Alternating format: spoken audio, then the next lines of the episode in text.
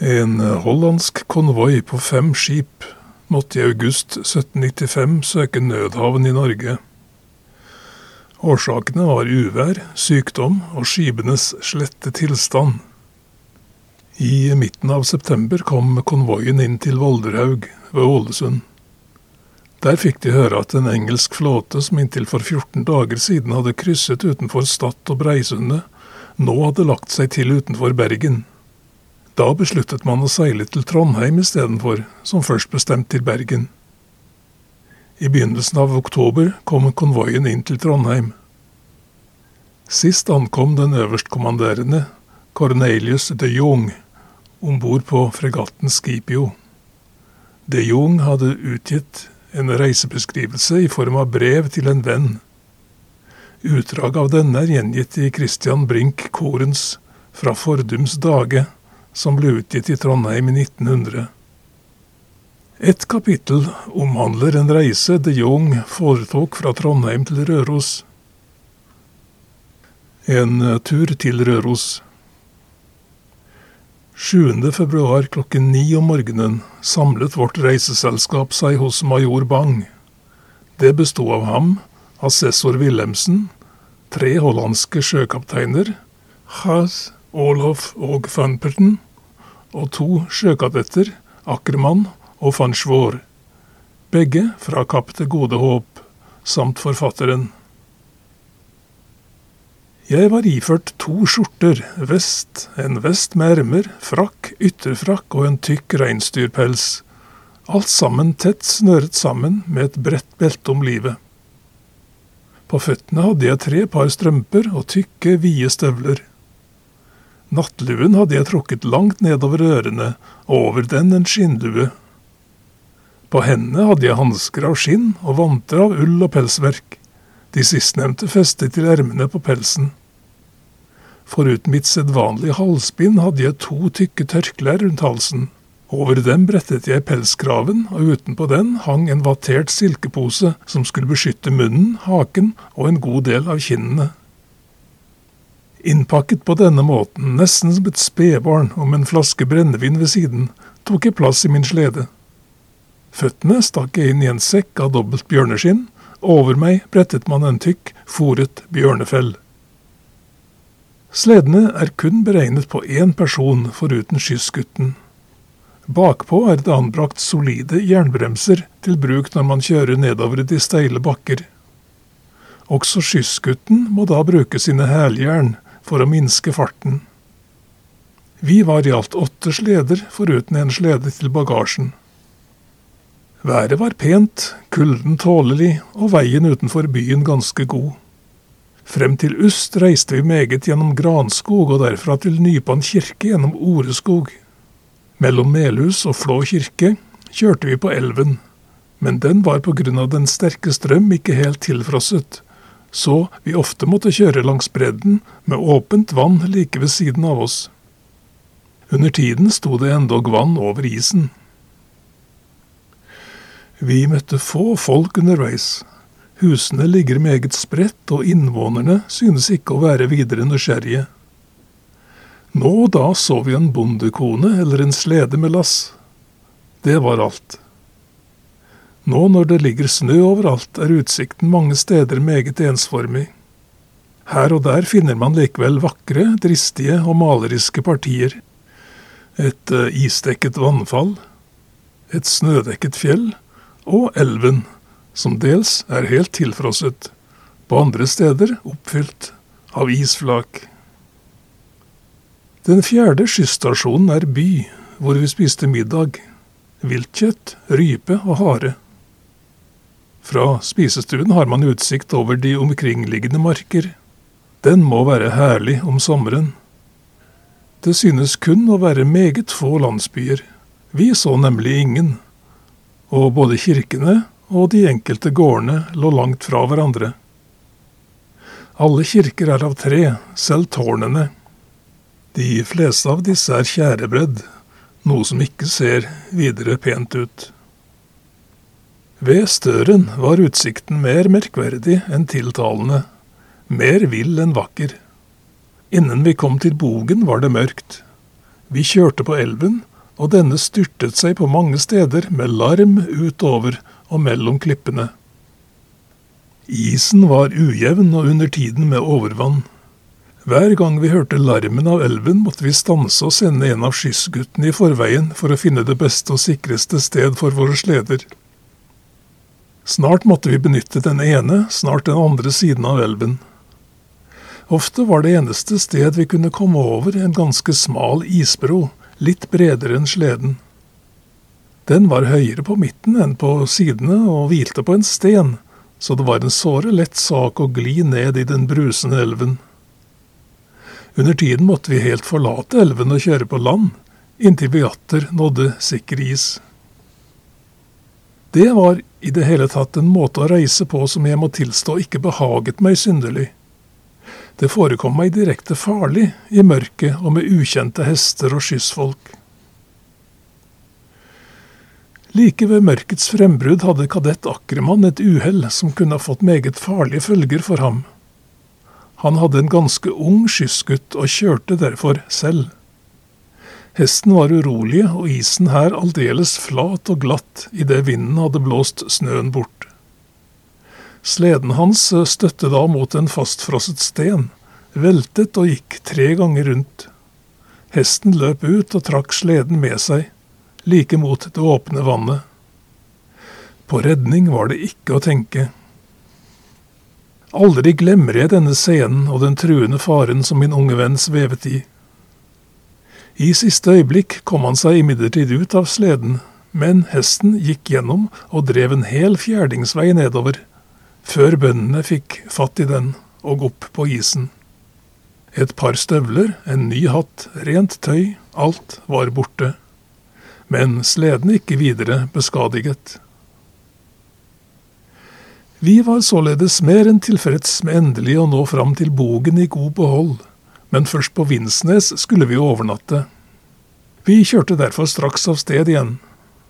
For min del var jeg nå så uheldig å få en drukken skysskar og en urolig hest, så jeg veltet hele tre ganger på mindre enn én time. Det øvrige selskapet kom langt foran meg, og først klokken ni om aftenen nådde jeg Vinsnes. Til aftens hadde vi risengrøt, som noen av oss spiste med melk, andre med fløte, andre med øl. Etter en herlig søvn var vi atter oppe klokken halv fem, og klokken seks brøt vi opp. Vi kjørte atter på isen, men forlot den nå og da, dels for å forkorte veien, dels for å unngå svak is. En gang måtte vi kjøre oppover den nesten loddrette elvebredden, og fikk således god anledning til å beundre våre hester som med sikre skritt gikk oppover bakkene. Kaptein Aalhoff var den eneste som veltet men da man sitter lavt nede i sleden og synker dypt ned i den myke snøen, så vakte det kun latter og ingen medlidenhet å se ham reise seg igjen. Været var i dag meget mildt, og vi hadde mang en vakker utsikt. Vi møtte ingen, bortsett fra noen sleder med høy, som her er meget dyrt. Mellom Kirkevoll i Singsås og Gårde er det fire timers vei. Vi stanset underveis, steg ut og tok et stykke brød og en slurk brennevin. Da vi atter bega oss på veien, møtte vi sleder med kobber som kom fra Røros, og andre som kjørte kull dit. Mellom de to skysstasjonene kommer man til en ganske merkelig hengebro over elven. Den gjør sin byggmester stor ære. Vi så mange tilfrosne, vakre fossefall. Mange av dem som nå er prektige å se til, er om sommeren meget ubetydelige.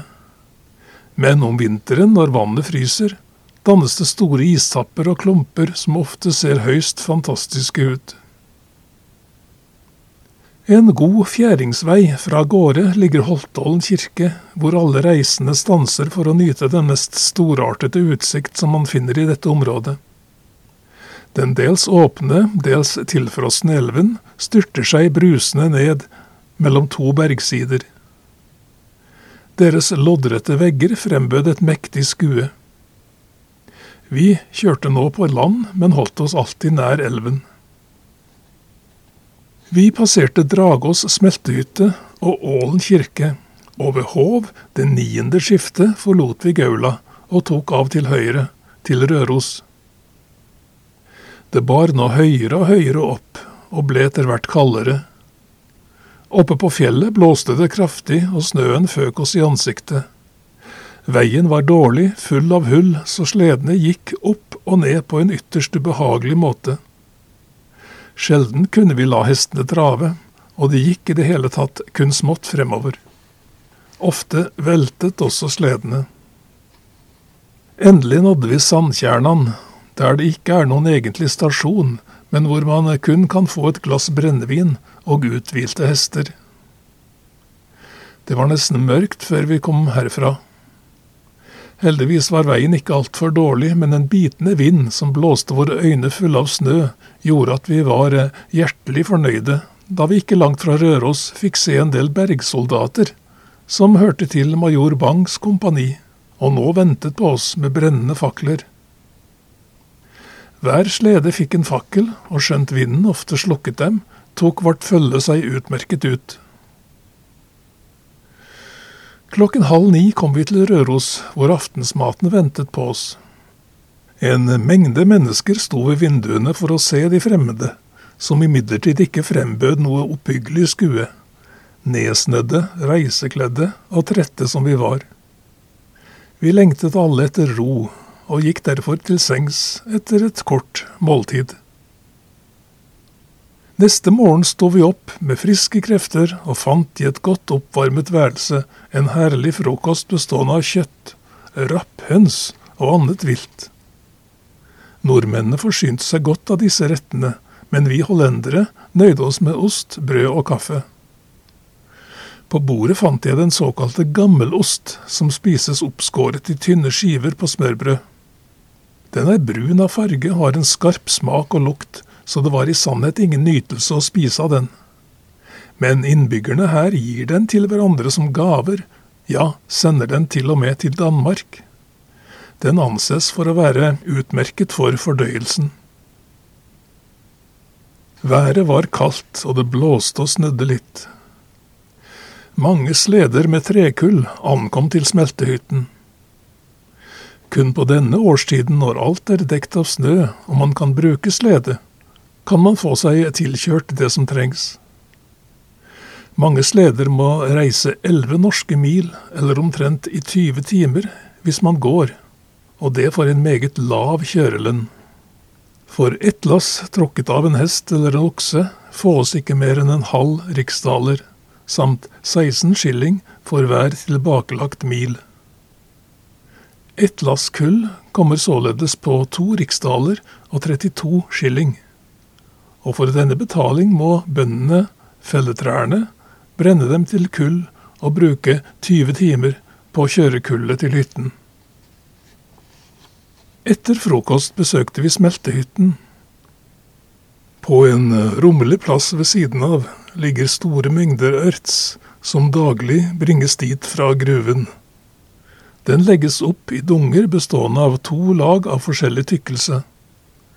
Det underste er ved, som stables meget regelmessig for at luften fritt skal komme til overalt. En betraktelig mengde erts kastes ovenpå veden, som man deretter antenner. Ved å slippe mer eller mindre luft til, holder man den brennende, men uten at flammen slår ut, i seks til syv uker, inntil ertsen er tilstrekkelig røstet. Den utålelige svovellukten som røstingen fremkalte, kunne vi ikke lenge holde ut, men arbeiderne som var vant til den, syntes ikke å anfekte seg det minste. Ved denne prosessen som kalles den første røsting, blir ertsen befridd for mer eller mindre av sitt svovelinnhold, og for en del jern. Deretter foregår den første smeltingen, der den røstede ertsen forvandles til skjærsten, en svart, meget porøs masse som består av kobber, svovel og jern. Dette foregår i store ovner med kraftig ild av trekull. Nå fører man skjærestenen over i de såkalte røstmurer, som er utgravd i jorden og utmuret. Slike finnes det mengder av. Her blir den atter røstet, dels åtte, dels ti ganger, og befris på denne måten for hele sitt innhold av svovel og jern. Deretter smeltes den på ny og utskiller en ubrukelig glassaktig substans, slagg, som man lar flyte ut nederst i smelteovnen, og som snart blir stenhard. På denne måten fremkommer svart kobber, som deretter undergår den siste og avsluttende prosessen i garovnen, eller gardherden. I denne smeltes det på ny med varme både under og over. Den voldsomme heten gjør det snart flytende. Det begynner å koke som vann og utskiller alle uvedkommende stoffer. Man fjerner nå det glødende kull ovenpå, men vedlikeholder varmen under, inntil man ser små kjegleformede kobberstykker fare ut som gnister, eller som det heter på bergmannsspråket, inntil kobberreinen begynner. Det er et tegn på at kobberet er ferdig, eller garet. Man fjerner deretter også ilden under ovnen og sprøyter en god del vann over det flytende kobberet. Da størkner det øverste laget straks. Dette blir da tatt ut av ovnen med en trespade og kastes, glødende som det er, i vann for å herdes. Når det øverste laget er tatt ut, sprøyter man atter vann på kobberet i garherden og tar på samme måte den ene runde og flate kaken etter den andre ut, inntil ovnen er tom. Antall arbeidere i smeltehytten anslår man til 120, men mange flere ville kreves så fremt man ikke drev blåsebelgene med vannkraft. Folkene ser dårlige ut. De er magre og bleke. Jeg antar det ikke bare skriver seg fra kobberrøken og den umåtelige heten, men også fra de store overganger de er utsatt for, ved så ofte å gå fra den glødende ovnen og ut i kulden, som ofte er under 20 grader. Kosten deres synes heller ikke å stå i rimelig forhold til det tunge arbeidet deres, idet de nesten utelukkende lever av brød og melk. Sjelden faller de deres lodd å spise kjøtt. Ja, endog stokkfisk og sild er for dem de reneste lekkerbiskener. Og hvordan skulle de med sin dårlige lønn være i stand til å skaffe seg bedre mat? Selv direktøren som fører overoppsynet med det hele, har ikke mer enn 800 riksdaler i årlig lønn. Med de emolumenter som hører til stillingen, blir det riktignok 1000 riksdaler. Bergskriveren har årlig 600 riksdaler, en hytteknekt sju riksdaler månedlig, en hyttedreng fire riksdaler. Stigerne får fem, de øvrige bergmenn tre til tre og en halv riksdaler månedlig. Sannelig en ussel lønn for et arbeid som er så skadelig for sunnheten, og der arbeideren må oppholde seg i så kalde og ublide einer. Etter at vi hadde sett oss om i hytten, gikk vi en tur gjennom Bergstaden. Innbyggertallet er omtrent 3000. Alle lever av verket, idet de enten er ansatt i dets tjeneste, eller som handelsmenn skaffer arbeiderne det de behøver av varer. Jeg synes synd på dem alle, for de må tilbringe sitt liv blant Norges høyeste fjell, i et ubehagelig klima og i en ufruktbar del av landet. Det er så kaldt at man sikkert ikke hadde tenkt på å anlegge en by her, og at dette distriktet sikkert ikke ville være bebodd så fremt det ikke hadde vært for bergverket. Man kan nesten si at Røros ikke vet hva en varm sommer er, for nesten hele året gjennom faller det dugg om natten, og man er aldri trygg for snø. Under disse omstendigheter kan det naturligvis ikke drives åkerbruk, verken kål eller poteter blir modne. Alt må hentes fra Trondheim. Man finner kun gress, og dette kan, der jorden er fet, gå en opp til kneet, men slike steder er det ikke mange av. Kyrne fôres med løv, reinsdyrmose eller hestemøkk. Den sistnevnte får de av og til rå, men oftest kokt og blandet med litt mel eller halm. Dette skal være sunnere enn høy.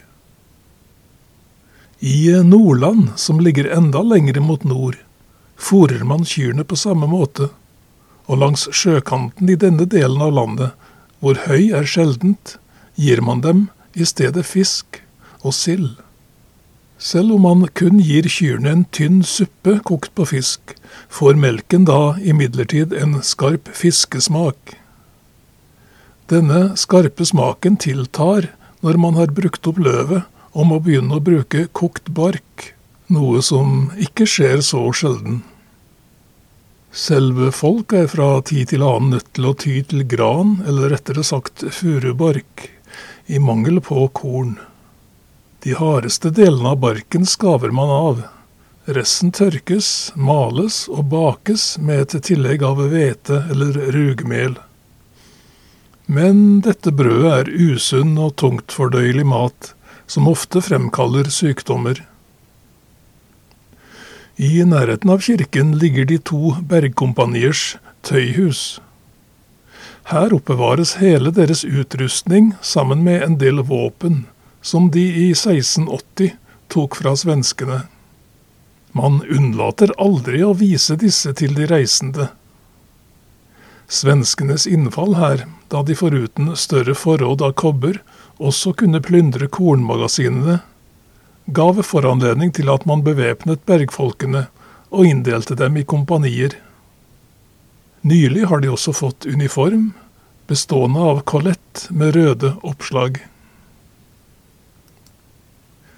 Christian Koren skriver at de Jungs skildring av gruvene og beretningen om tilbakereisen til Trondheim, som foregikk 11. og 12. februar, inneholder intet av større interesse. Turen kom, forteller han, enhver av deltakerne ikke på mer enn 25 riksdaler.